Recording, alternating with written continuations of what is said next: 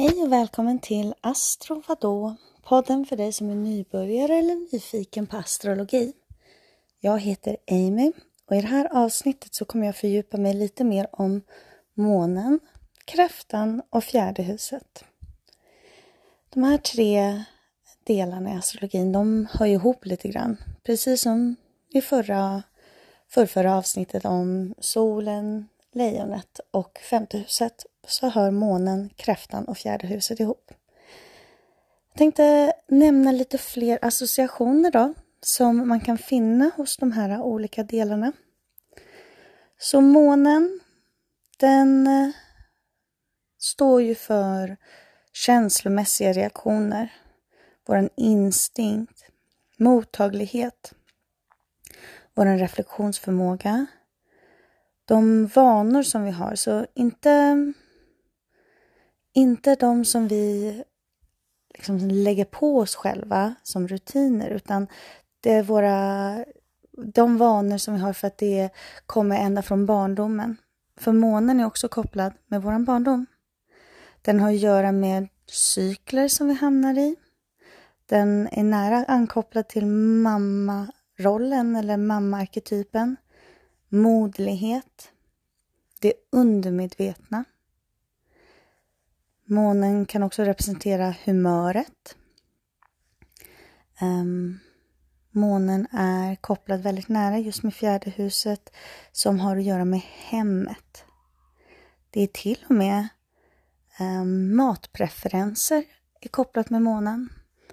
Allting mellan, allting som existerar har ju någon slags relation till en specifik himlakropp. Allting är indelat i de olika delarna, i de olika himlakropparna. Och matpreferenser tillhör månen. Det är för att det är så, det som när oss. Precis som modern som när sitt barn med sin mjölk.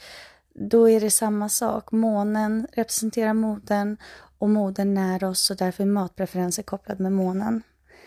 Ehm, den är också kopplad med vissa husliga vanor. Visar på hur vi drar oss undan och känner oss trygga och omhändertagna. Det visar också hur vi tar hand om andra. Anatomin som är kopplad till månen ehm, och då också kräftan och fjärde huset till viss del är mage, bröst, vår matspjälkning, vätskor och sekret. Och enligt, enligt viss litteratur, um, för väldigt länge så har vi ju fallit in i väldigt heteronormativa indelningar i astrologin och det är svårt ibland att definiera vad det har att göra om det handlar om um, fysiskt kön eller um, vad ska man säga, gender eller sex. Och då det de säger är då att vänstra ögat är för män är månen kopplad med och höger öga för kvinnor är månen kopplad med. Andra associationer till månen är beskydd, nostalgi, mat som jag nämnt. Det är kopplat med egendom och då pratar vi om liksom så här boende, för det är kopplat med hemmet. Det inre barnet, femininitet. Den kan också visa på där månen står i våran chart, där vi riskerar att hamna i beroendeställning. Om vi ska se lite mer om kräftan specifikt, vad är det för karaktäristiska eh, vi möter i kräftan? Kräftan är uppfinningsrik. Kom ihåg nu, kräftan är ett vattentecken som är av eh, kardinal kvalitet, alltså igångsättande. Så uppfinningsrik kan vara excentrisk, omvårdande, beskyddande, mysig till och med. Tänk på det här, det omvårdande hemmet liksom. De kan vara väldigt rytmiska och cykliska. Det är ju kopplat med månen där. Hemmakära. Har ett behov av fysisk närhet.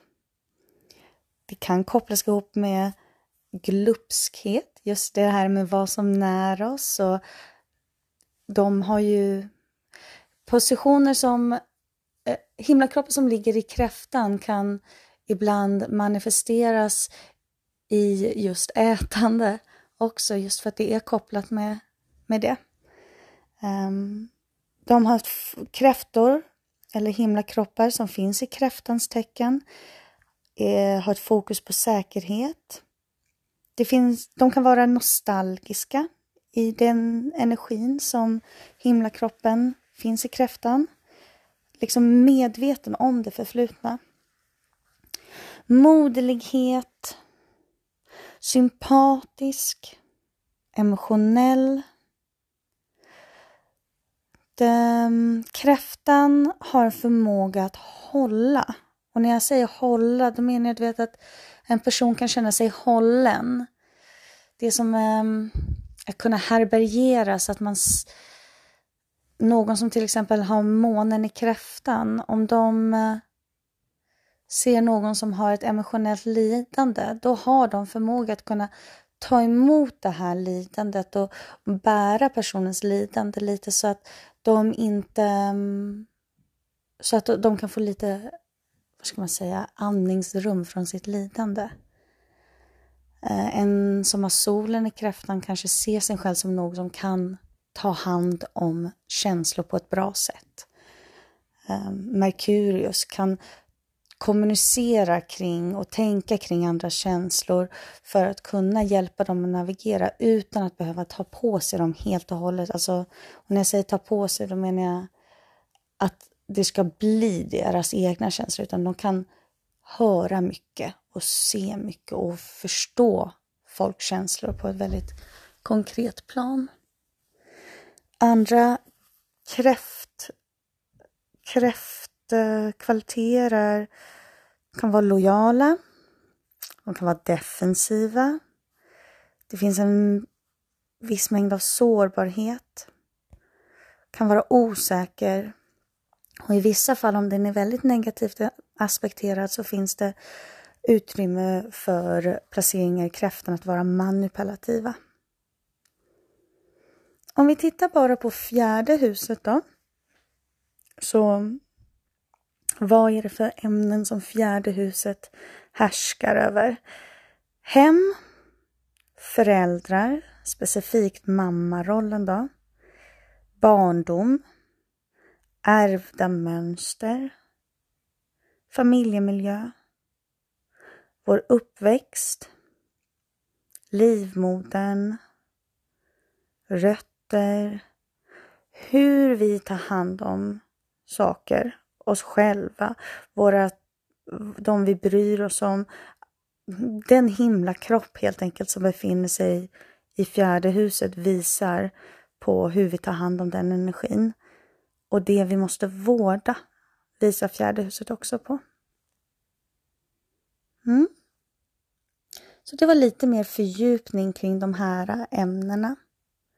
Nästa avsnitt kommer handla om månens cykler. Hej hej!